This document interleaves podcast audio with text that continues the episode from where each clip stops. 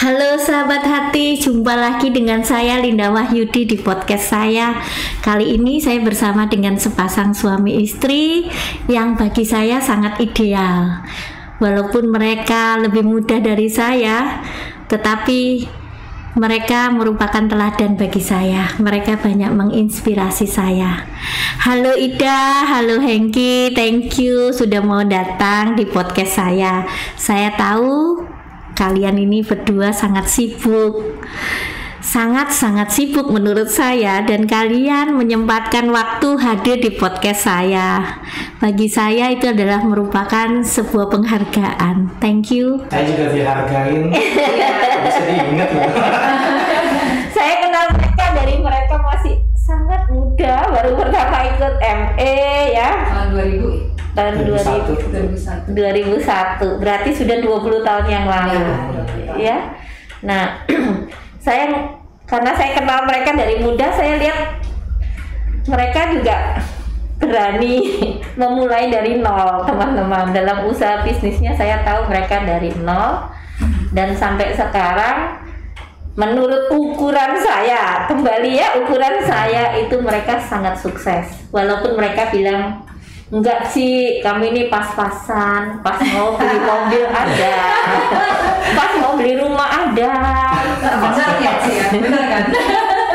pas mau beli gudang segede itu ada gitu ya. Pas mau beli villa ada. Itu pas-pasan bagi mereka tapi bagi saya itu suatu kesuksesan bagi saya. Nggak boleh protes ini kan bagi saya ya.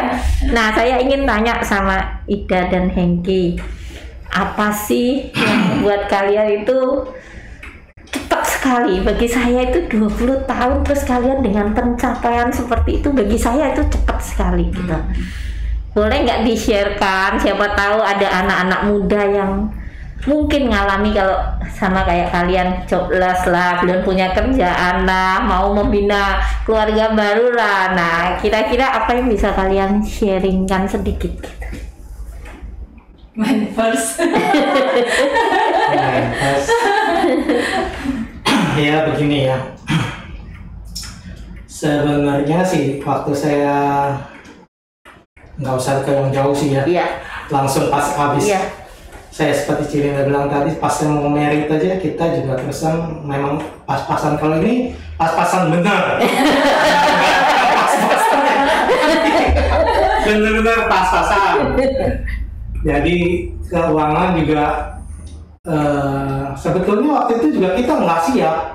Cuman pas mama saya udah penderita cancer hati dia mau lihat saya kebetulan anak ke-8 dia mau lihat anak terakhirnya nih merit.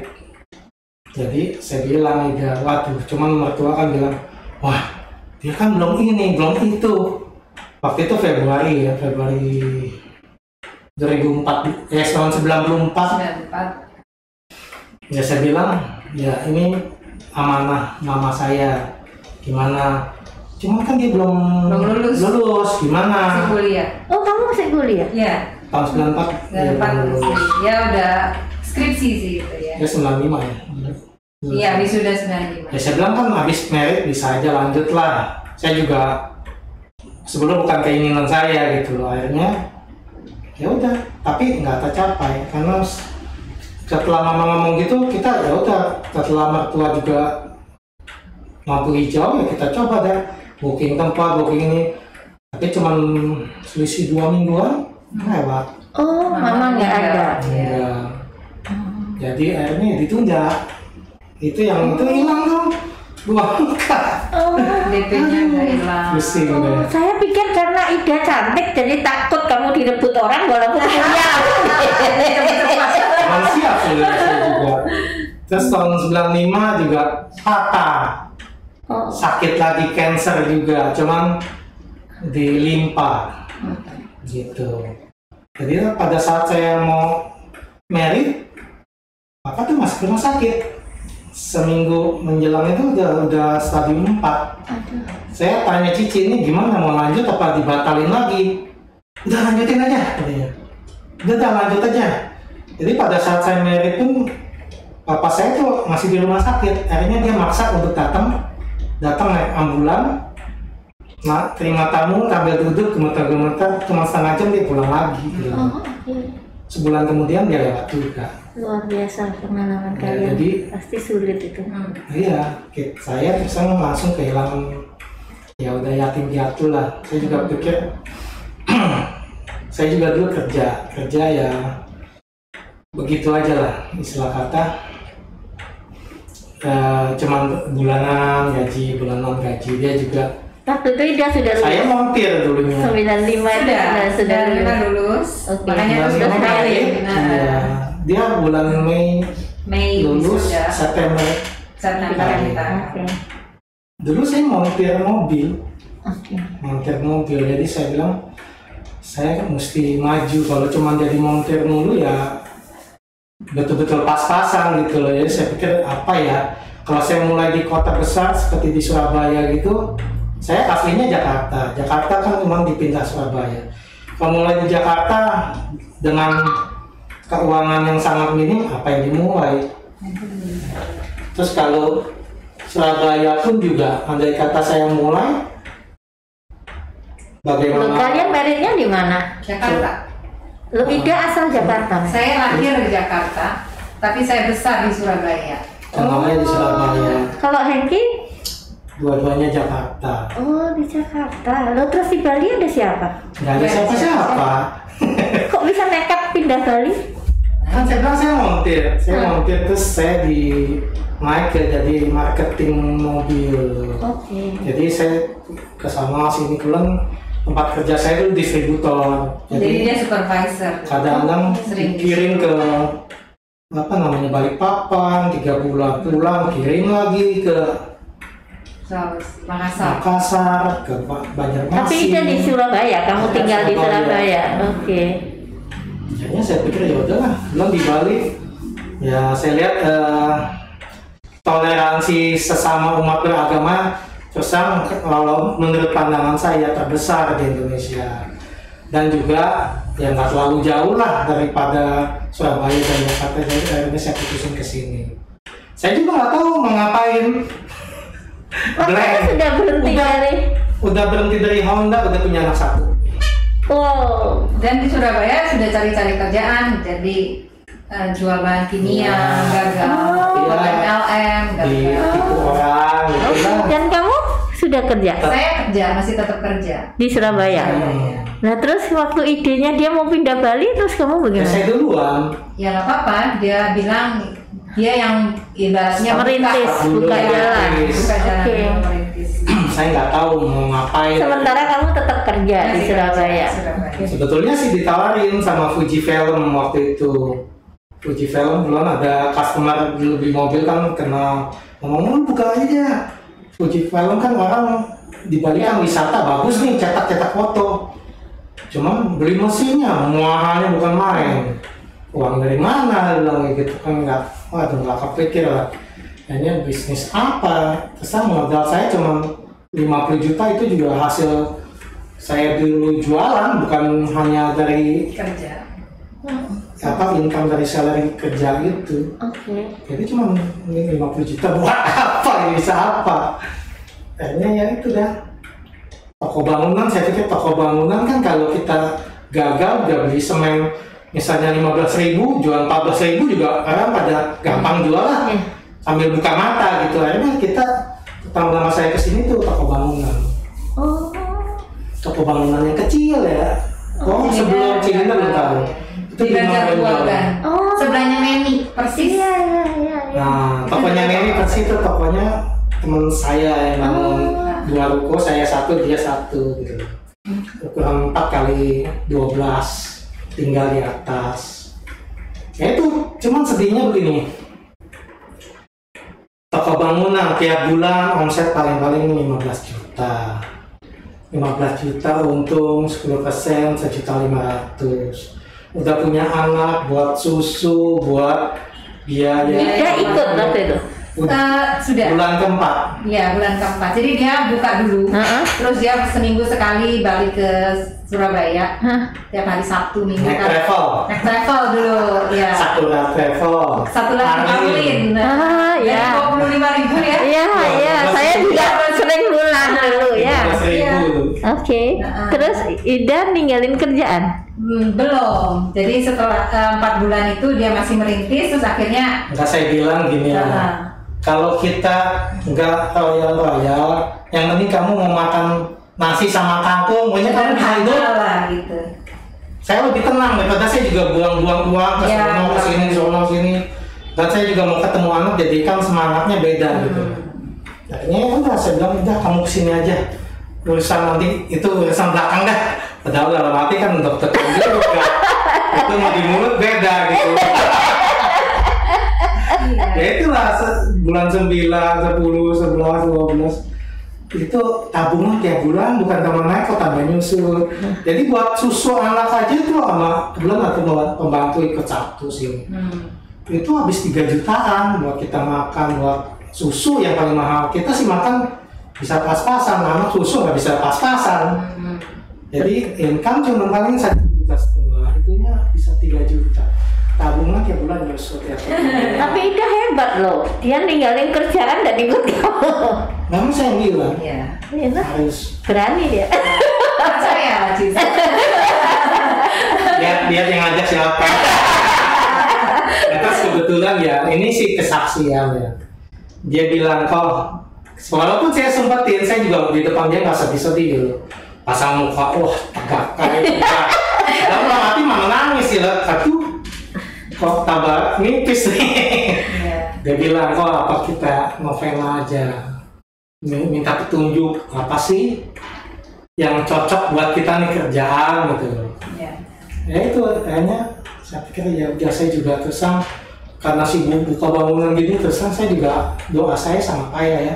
Memang sebetulnya saya juga Katolik juga baru setelah merit dulunya saya Buddha Oke. dia dia, dia Sebelum juga merit. Kristen Sebelum merit kita ke- Iya, eh, menjelang merit sama-sama kita. jadinya belajar. Oh ya? dia Kristen saya Buddha tapi maksudnya Katolik Ya. Kok bisa? Itu dapat dari mana? Ini baru ajaib. saya sekolahnya Katolik Oh. Saya juga sekolah Katolik. Oh, Dia sekolah Katolik, bagi saya- ajaib ini gitu. Iya maksudnya Katolik gitulah.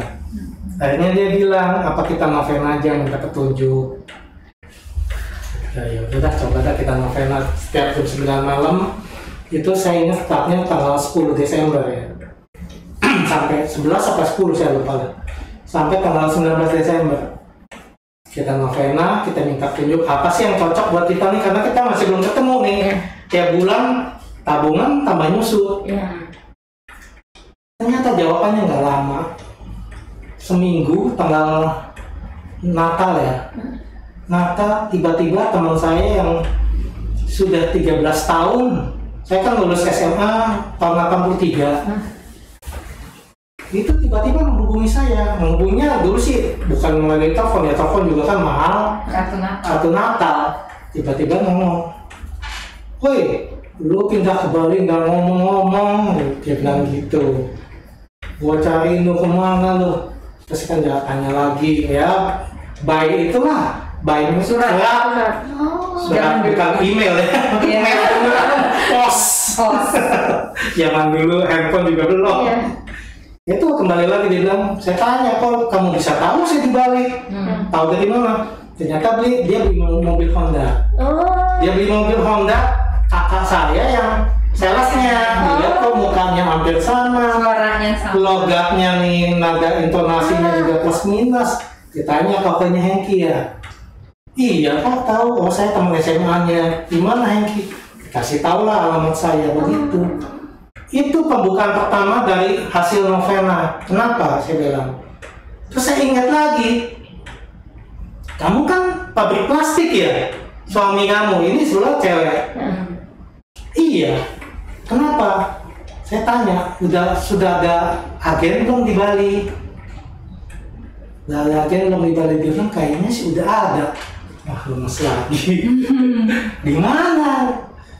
Di Singaraja. Waduh, Singaraja mah jauh lah, tiga jam dari Denpasar. Coba tanyain suami kamu, kalau emang kamu belum ada agen di Bali, tanyain. saya sih tersang ya, saya modal sangat pas-pasan. Ini dari hasil 50 juta nih, uang saya tinggal 15 juta. ini ini modal saya kalau kamu eh, itu ya kepercayaan keper- tergantung kepercayaan saya cuma punya ilmu Hmm. cuma kalau kepercayaan saya nggak bisa nilai bahwa saya jujur kamu yang nilai nanti kan saya cuma punya dana segini kalau kamu itu bisa bantu saya seginilah nilainya segini kasih barang segitu kalau kamu percaya ya lebihin gitu loh terserah kamu juga Padahal itu ruko ngontrak. enggak punya papa Oh punya Emma Papanya Oke. Hengki. Oke. Hmm. Terus ya terus eh, dia bilang kalau kamu survei dulu deh. Survei dulu di sini sama saya minta price listnya saya apa kamu survei juga ke pabrik jadi begitu dari mulai Desember Januari Februari Maret April Mei baru saya buka. Setelah survei tiga bulan begini price listnya harganya masuk apa enggak. Itulah jalan Tuhan. Kalau saya bilang nggak ada yang kebetulan ya. saya novena tiba-tiba begitu itu di eh, di oh ya kita itu novena di rumah ya Di kalau rumah. mami sih di iya jadi banyak kejadian yang kita nggak duga gitu. iya ya. Kalau nggak itu jodoh kalian nggak akan dapat. Itu jodoh iya buat kalian jodoh terus. juga sih Betul, dan dan berkat doa juga sih Iya. Ya, yang terbesar sih doa Dari Iya. situ naik terus. ya bingung kok dia mau sama montir ya benar yang mau sama dia banyak Iya, nggak bos bos banyak. Yang punya tanah banyak. Bos dealer sini ada. Coba kalau kalau dia nggak dapat kamu dong mana dia punya anak? Nggak ganteng cantik cantik gitu lah ya. sama-sama beruntung. Jadi kembali lagi saya juga komunikasi, saya bilang apa pun ya. Rumah tangga kita ribut boleh cuman selesaikan hari itu juga. Kalau nggak bisa selesai ya kembali lagi kita ikut ME, ikut semua. ya. Ternyata ada cara lain. Misalnya dia nggak bisa ngomong, ya ternyata pakai tulisan itu mendukung sekali gitu. Ya mendukung. Tapi memang sih saya pikir kayak retret-retret itu tuh penting buat kita untuk lebih membuka wawasan kita ya, apalagi sebagai suami istri baru kadang kan ada masalah yang ya egonya masih masing-masing ada gitu. Jadi dapat aja jalan ikut retret tulang rusuk, terus ikut ME gitu ya. Padahal waktu itu hidup baru. waktu itu kita hampir telat juga kayaknya ya yang waktu tulang rusuk itu ya terus ME juga nggak tahu dari info dari siapa atau kita Ketika kalian mulai maju itu sudah punya anak empat atau baru dua atau baru satu? tiap anak itu bawa rezeki Rezeki. masing-masing Iya. Waktu saya hamil pertama. Angie dia berhenti kerja Heeh. tiba-tiba eh, mau melahirkan dia dapat undian Saya kan nggak punya duit buat Ah. itu loh. Terus kan, tabungan saya di bank cuma satu juta. Iya. Tiba-tiba dapat undian 5 juta Oh, begitu. buat ngelahirin anak Ya. Anak kedua ya itu. waktu Leo itu dapat yang plastik ini Oke. Waktu Piar ya sudah mulai oke lah Waktu, mulai ya. iya. kalau dulu. ya sudah oke lah kalau yang Colin Dulu kalau nggak salah kan di Penate ya gudangnya. ya gudang di Penanti Sekarang pindah ke ya ini lebih gede lagi. itu juga berkat doa loh Ci Oh, saya bilang saya pengen punya tempat kerja yang dekat rumah supaya saya bisa kontrol anak-anak gitu itu bukan kasih di situ di Cepat kita nggak jadi. Marlboro ya iya.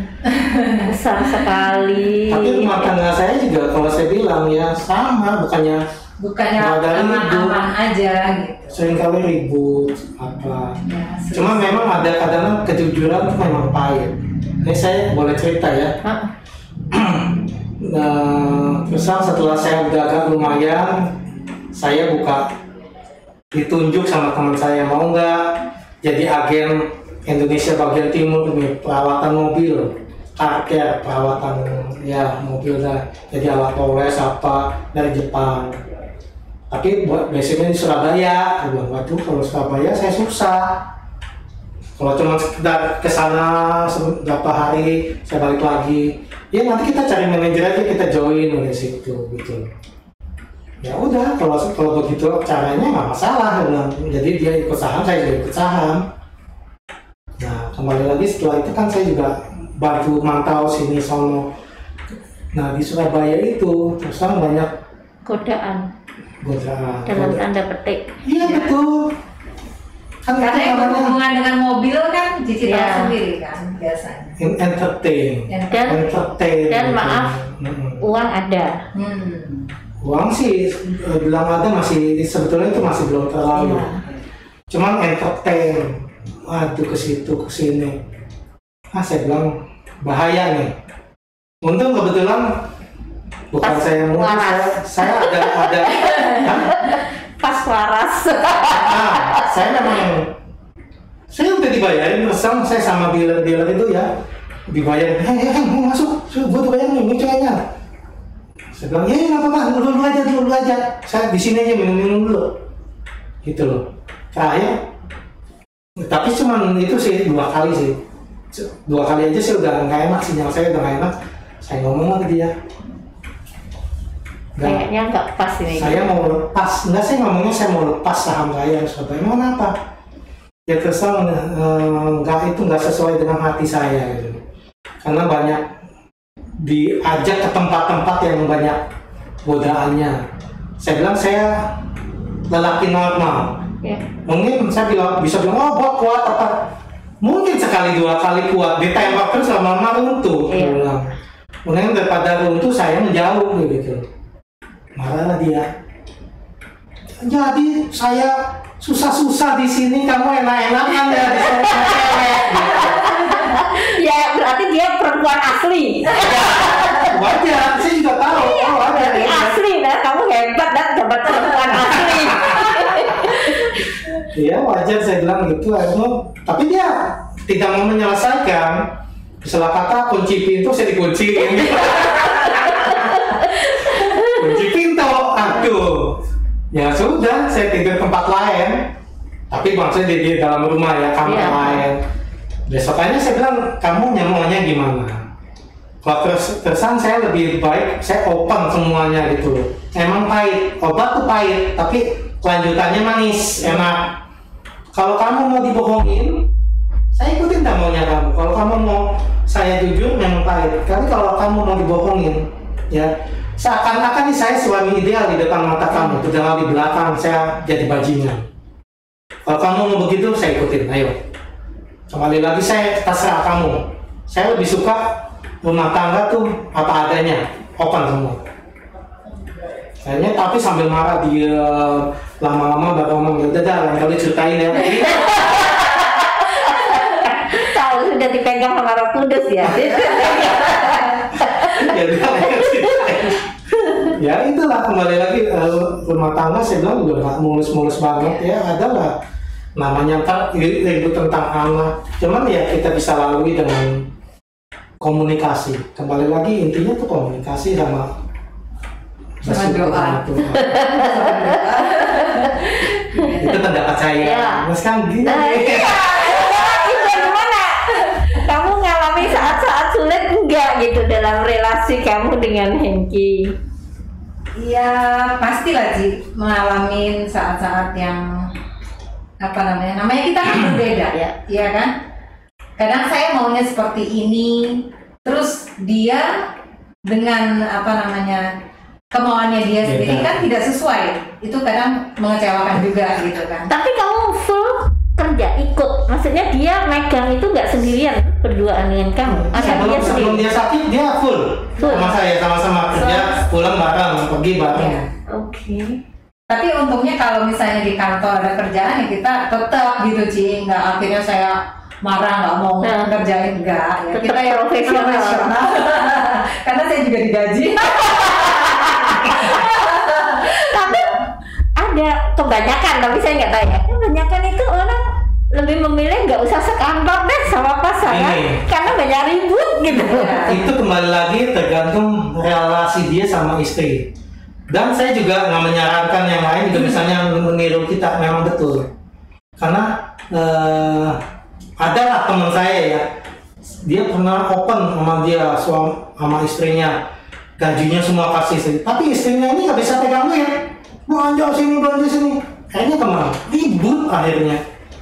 Di dalam satu perusahaan tuh dia istilah kata suaminya lebih fleksibel kalau sama customer apa. Kalau istri kan kaku kayak accounting gitu. Nya kalau A plus B satu tambah satu ya dua gitu, nggak bisa enggak. Kalau jatuh tempo segini ya lu harus bayar. Nggak bayar gua maki-maki, gua denda. Kalau kalau marketing kan beda ya cincai lah, cincai ribut. Nah itu kembali lagi saya sih bilang jangan jangan terlalu ikut campur ke masalah marketing. Saya juga nggak terlalu ikut campur ke masalah apa namanya accounting keuangan. Saya cuma mantau ya sini sini cuma kita Jadi bagi. punya bidang Iya. punya bidang sendiri. Nah, Iya, soalnya kan dari pengalaman saya itu banyak sepasang yang satu Betul. kerjaan itu malah nggak nyaman gitu. Iya. relasi dia sama pasangan.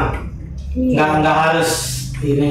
Iya. Kebetulan saya dia kebetulan bisa megang duit, nggak roya menurut saya ya.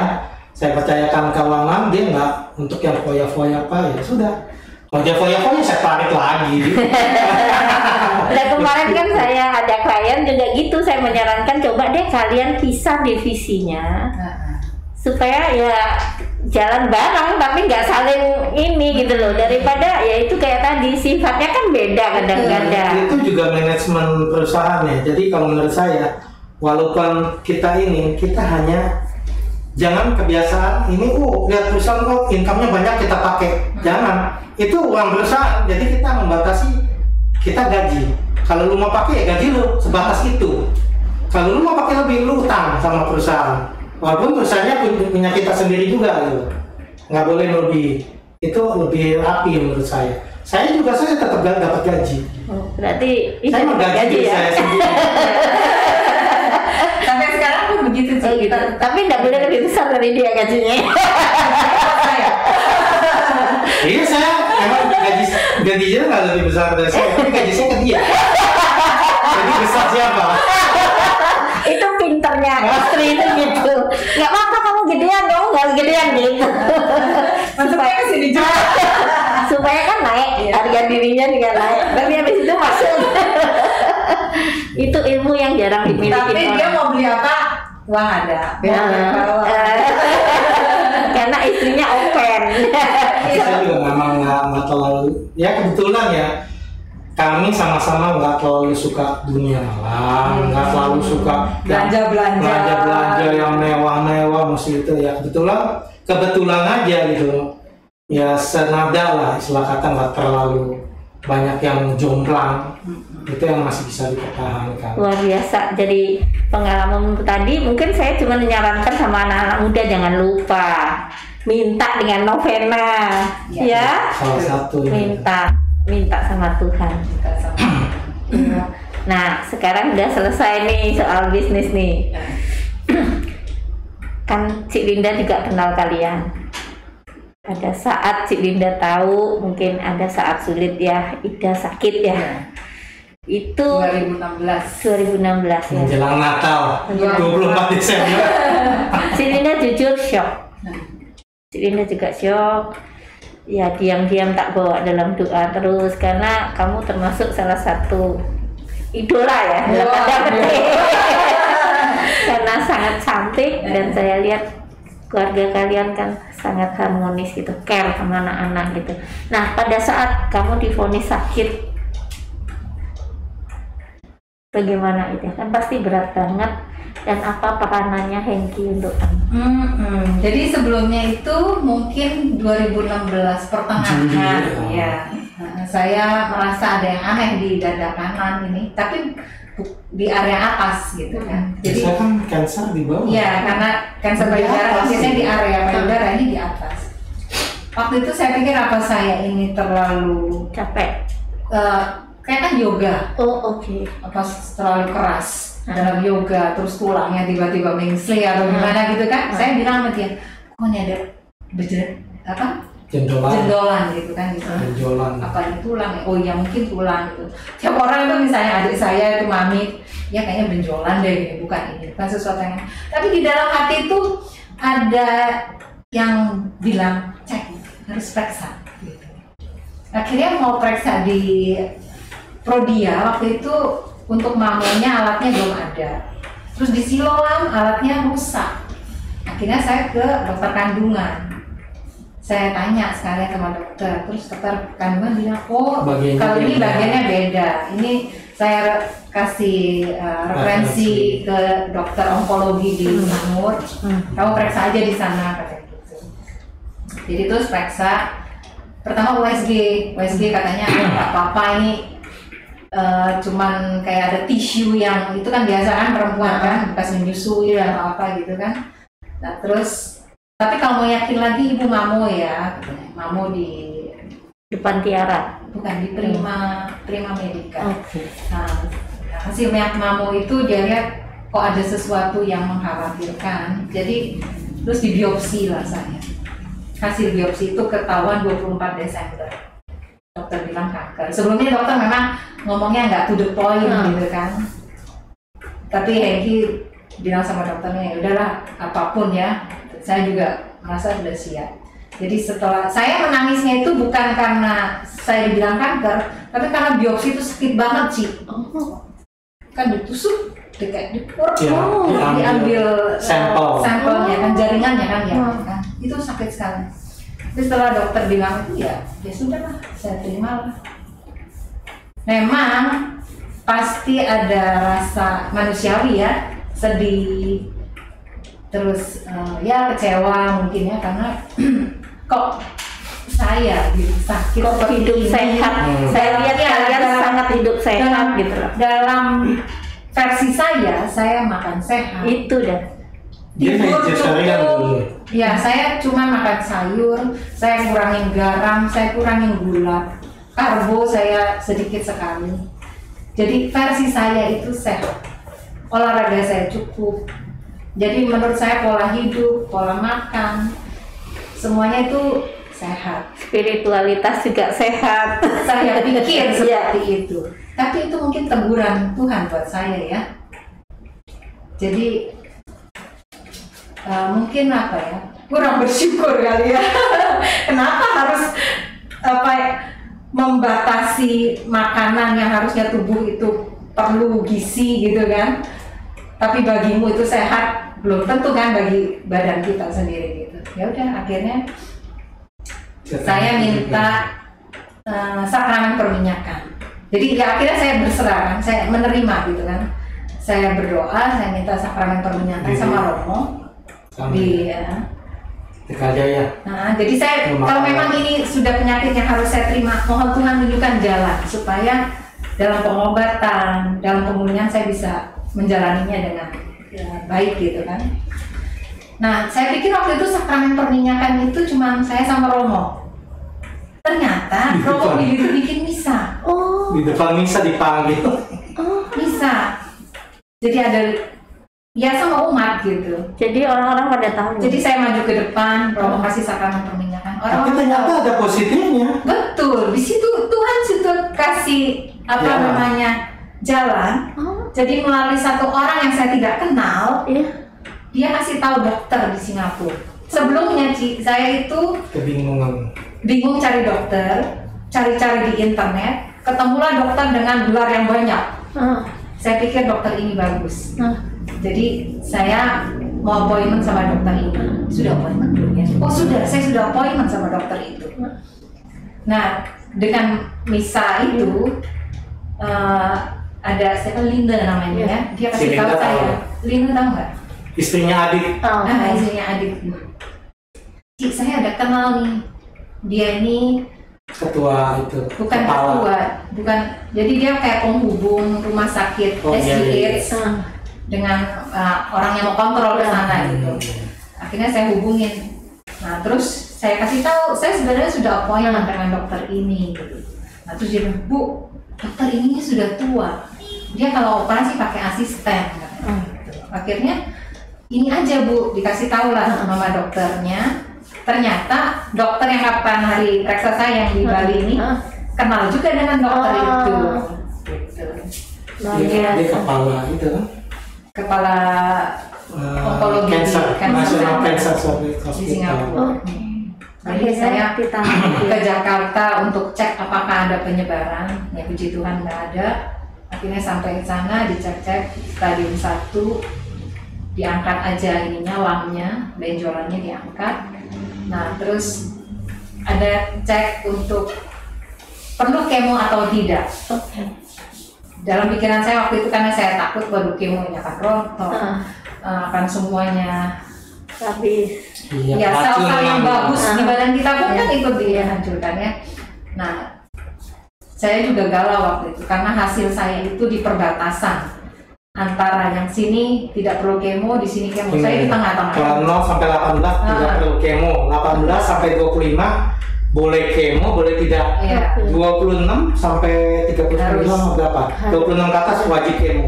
Jadi 25. saya ada di borderline saya galau juga tapi lagi-lagi ya karena mungkin ya saya selalu bicara sama Tuhan saya doa saya diundang makanya sama Ci Inge tahu Mm-mm. Ci Inge waktu itu Sintia kayaknya ya tahun 2017. 2017 2017 Sintia makan tiba-tiba di depan saya itu dokter Oh. dia cerita temennya kena kanker wah sekarang setelah kemo wah sehat katanya rambutnya memang rontok tapi tumbuh lagi gitu cerita loh kok pas dengan Iya. saya gitu Iya. kan ya jadinya Kamu waktu itu ya. saya juga bilang Hengki aduh kemo enggak ya kemo enggak ya kalau dia sih udah Waktu lah kemo pun dia juga masih menolak karena begini waktu ta- Iya. saat kita dia di sana eh, apa ya? Ah, itu operasi ya. operasi oh Terus iya operasi pun Kita kan cuma periksa. Biasanya dokter itu kalau janjian untuk operasi bisa ya sebulan harus kemudian. ada Kebetulan ada orang Thailand batal, itu kan sampainya kita Senin, Selasa, Kemis, ada yang batal. Mau langsung nggak? Dia mau pulang lagi. Hmm. Mau Jadi waktu appointment dengan dokter itu Heeh. kita nggak ada appoint- appointment Iya, untuk operasi, iya, iya. konsultasi Heeh. gitu. Tapi setelah dokter kita Ditawarin harus langsung. operasi, mau cek dokter selain dokter Heeh. sedang kamu udah cek tiga dokter loh Iya. mau, mau cek kan dokter kita apa lagi opinion Iya. gitu kan. itu udah fault opinion ya akhirnya kok kebetulan, ya mungkin sudah Iya. rencana Tuhan Iya. juga ya. Pada saat itu ada Ada yang satu batal. pasien yang batal, Iya. jadi saya bisa langsung dioperasi. Akhirnya kita extend langsung tuh. Hmm. extend saya operasi cuma satu malam di rumah sakit Oke. kemo tiga minggu kemudian kita bisa langsung nginap lagi terus balik ke Bali Indonesia ya. nah nah itu terus hasil cek untuk kemo apa enggaknya keluar gitu terus dokter sih bilang ya lebih, kalau menurut saya sih lebih baik kemo tapi saya masih galau gitu akhirnya ketemu dengan dokter yang diundang Iya. makan Ci Ina itu Akhirnya kalian mantap. Makanya saya mantap kemo Oke. Ya, sebetulnya kenapa kita memutuskan pergi ke Singapura juga itu juga dari dokter sini dokter yang Bali ini lulusan dia lulusan Belanda Iya. iya iya itu. Heeh. dia yang menawarkan alternatif alternatif itu Saya lihat waktu itu saya nggak tahu ya. Saya kan masih belum tahu persis ini kejadiannya. Cuman saya lihat, oh Ida sakit, terus tak lihat habis kalau nggak salah habis kemo tuh habis apa diajak jalan-jalan ya. Masih ada ke foto-foto. Vietnam botak ya waktu botak ya saya ke Vietnam Heeh.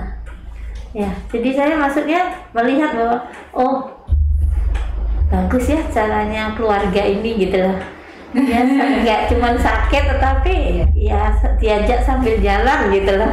karena mungkin ya itu supaya saya lebih bahagia supaya karena bahagia kan cepat sembuh Ya. ya. hati yang gembira kan adalah obat jadinya ya udah kita Hengki bilang kerjaan tinggal dulu saya kan orangnya nggak percayaan juga kan. Ya. saya merasa kalau kerjaan saya dipegang orang lain belum tentu dia bisa mengerjakan sebagus saya. Hengki bilang udah nggak usah pusing tinggalin aja semua. Jadi saya di rumah kan sejak saat itu saya di rumah saya lepasin semua. Akhirnya toh memang bisa tetap jalan begitu Kamu kemo berapa lama? Eh, saya kemo empat kali. Di? Tiap tiga tiga minggu sekali. di Singapura. Tapi PP begitu. oh enggak enggak. Nginep kita kemo soalnya jadi gini habis kemo itu Lemas. eh, pulang-pulang sakit. Oke. kalian kelayangan pulang. Jadi Tapi pulang ke Bali atau tetap stay sampai kemo berikutnya? oh, oh enggak. pulang ke tiga minggu sekali. Oh, cuma dua malam. Misalnya Kamis Sabtu pulang. Yang pasti pada setelah kemo itu daya tahan tubuh kita tuh drop sekali bisa biasanya kan Kamis misalnya sore Jumatnya dia udah kelayangan itu pusing mau jalan apa kelayangan gitu saya yang cari kan makan. tapi katanya kalau habis kemo nggak boleh ketemu orang takut kena flu kena apa ya, karena itu, daya karena daya tahan tubuh kita kan lagi drop. Heeh. Kalau ada virus masuk kan kita gampang tertular. gitu. Heeh. Jadinya ya, Ya, itu kayaknya kita kalau itu ada kemo tiga hari dua malam dari Singapura ya, terus baru balik ke sini. Pasti gitu tiga hari Ya, dua tiga malam hari dua malam, terus baru balik. berangkat Kamis pagi Kamis sore kemo Hmm. Jumat layangan masih nginep Sabtu baru Hmm, pulang oke tapi sampai hari ini masih cek terus ya Ida Cek enam bulan sekali. Tapi yang kemarin ini setahun nih gara-gara COVID kan saya nggak bisa ke Oh, Singapura. oke. Tapi untungnya dokter Singapura baik, jadi saya suruh check up di sini, konsultasi dengan dia. oh oke Iya. Ponakan saya pernah kena cancer stadium 4 saja. Dia di Singapura setahun. Jadi cici saya sampai belajar nyuntik sendiri. Suntik ya, itu tahun 98 dan dia sembuh. Jadi cici nggak, saya nggak mau anaknya diamputasi. Sebetulnya yang paling muda itu diamputasi karena dia kanker tulang. Oh. Jadi tulangnya dikerok, diambilkan dari tulang pantat, ditempelkan di sana. Syarafnya juga diambilkan dari Oh, gitu. kaki sebelah. Hmm. Dan sampai hari ini, oke, Bisa tiap ya. tahun kontrol juga. Pertama enam bulan, habis itu setahun sekali, habis itu dua tahun sekali Oh, di Singapura. jadi nggak diamputasi ya Sarannya diamputasi oh dia di tulang Enggak, maksudnya supaya gampang itu kan diamputasi selesai kan hilang Hmm. kansernya gitu. Jadi dia di kemo juga. Jadi eh, waktu itu umurnya masih 19 tahun 98. lebih hebat lagi dia ya. Saya itu nggak tahu di mana-mana mama saya juga kan hati papa di limpa Ya, ya. Jadi sekarang tetap hidup sehat ya. Iya, sehat nggak sehat. tetap jaga. Pokoknya ya, nggak nggak rakus ya yang penting ya nggak rakus, secukupnya aja gitu. Terus makan yang berpewarna, pengawet, itu udah nggak. deh. Terus menurut Ida support dari Hengki yang terbesar kamu selama sakit atau support dari anak-anak itu berupa apa Ida? Yang pasti dia tidak membuat saya itu seperti orang sakit. jangan membuat dia seperti pasien Iya, Oke. jadi dia ya biasa aja gitu, tapi dia perhatian ya kayak misalnya saya perlu makan atau apa dia yang cariin waktu di Singapura saya itu dia yang pokoknya dia yang dampingin terus gitu kan. Ya, itu udah support terbesarnya dia. Terus kalau ada apa-apa juga udah nggak usah dipikirin atau apa gitu. Terus anak-anak Ida Anak-anak juga begitu. Dia tidak memperlakukan saya seperti orang sakit, biasa aja. ketika anak-anak dengar kamu cancer mereka Kerja lain ngomongin- juga Yang ngomongin siapa? Kamu kan ya, mama cancer gitu ya. Kayaknya biasa Enggak, aja. kalau keluarga saya ya sebetulnya makanya saya bilang kalau saya mah komunikasi, Hmm. saya juga membesarkan hati semuanya. Yang sakit pun saya nggak mau dia menganggap dirinya sakit. Hmm. Udah tenang aja. Terus kamu mau apa? Kalau kamu misalnya yang pertama dia pertama nih Hmm. tahu cancer tuh mau nahan nunda dulu mau ke ini. Iya. Saya bilang apalagi yang ditunda cancer itu cepat. Kamu nunda-nunda berkembangnya sangat cepat. Sekarang nggak bisa enggak. Waktu yang di Singapura itu mulai dia tadi mau pulang lagi, enggak langsung langsung udah apalagi yang kamu tunda-tunda gitu. Kalau saya memang lebih logik ya, kalau cewek kan perasaan. Pada saat dia nangis apa dengan udah kamu nangis kamu juga bisa apa dapat apa itu langsung nanya hadapin kembali lagi begitu Ya jadi keputusan itu karena kan saya bertanya dia karena kalau galau kan tanya. Kalau dia cepat mutusinnya udah ya langsung gitu. iya. Ida kalau misalnya kamu dikasih kesempatan nih mungkin di luar-luar sana ada yang mengalami kayak kamu difonis tiba-tiba kok saya hidup sehat selama ini yang menurut saya semua yang di teori hidup sehat itu sudah saya lakukan dan saya tetap kena gitu. Kira-kira apa sih yang ingin kamu omong? Kalau saya yang ngomong ini kan Alah lo bisa ngomong kamu nggak ngalamin gitu loh. Kalau kamu kan ngalamin apa sih yang kamu sarankan buat mereka? gitu? Kalau menurut saya jalanin hidup tuh normal-normal aja. Nggak usah pakai versi kita ini sehat atau ada versi orang lain yang misalnya dari gemuk ke langsing gitu. Apa yang cocok sama kita kan badan kita yang tahu sebenarnya. Mungkin pada saat saya makan makanan yang menurut saya sehat, saya juga merasa kayak kelengan atau apa itu saya biarinin gitu Ci. Padahal itu tubuh kita itu sudah ngasih tahu gak boleh loh kamu seperti itu. Tapi saya membiarkan itu. Nah makanya kalau menurut saya dan normal-normal aja lah makan secukupnya, happy secukupnya, sedih secukupnya, ya kan? Situlah. Yang nomor satu bersyukur. Jangan pada saat ada cobaan kenapa saya, Iya, kalau ada rezeki. Kenapa Kenapa? saya gitu. Iya betul. Ya dihadapi. Kalau ada rezeki kan kita nggak mungkin nanya kenapa saya yang dapat rezeki. Pada saat sakit, kok kenapa saya yang sakit? Kita harus bersyukur. Karena dia, karena Tuhan tahu dia, dia pasti sanggup melaluinya. Amin. Gitu, menurut saya. Thank you. Kok saya jadi saya yang terinspirasi? saya sering tidak mendengarkan tubuh saya soalnya. Ya. Iya. Kita harus mendengarkan tubuh kita itu bisa kok bilang sama kita keperluan kita itu apa gitu, kebutuhan kita itu apa. Oke, jadi tadi pelajaran pertama tentang bagaimana anak-anak muda ini menghidupi kehidupannya, mau mulai bekerja. Jadi kuncinya tadi datang ke Tuhan aja, Iya. ya kan? Ada solusinya pasti. Iya. Walaupun jawabannya kita nggak tahu kapan, Betul. tapi kita jalanin aja. Jangan cuma berdoa tapi tidak berbuat. Nah, Tuhan juga bingung. Iya. Kamu berdoa dulu tapi kamu ngapa-ngapain di kamar aja doa. Jalanin gitu. Soal nanti urusan itu ya serahkan sama Tuhan. Iya. Kita nggak bisa mendasarkan kemauan kita. Karena yang kemauan kita belum tentu cocok.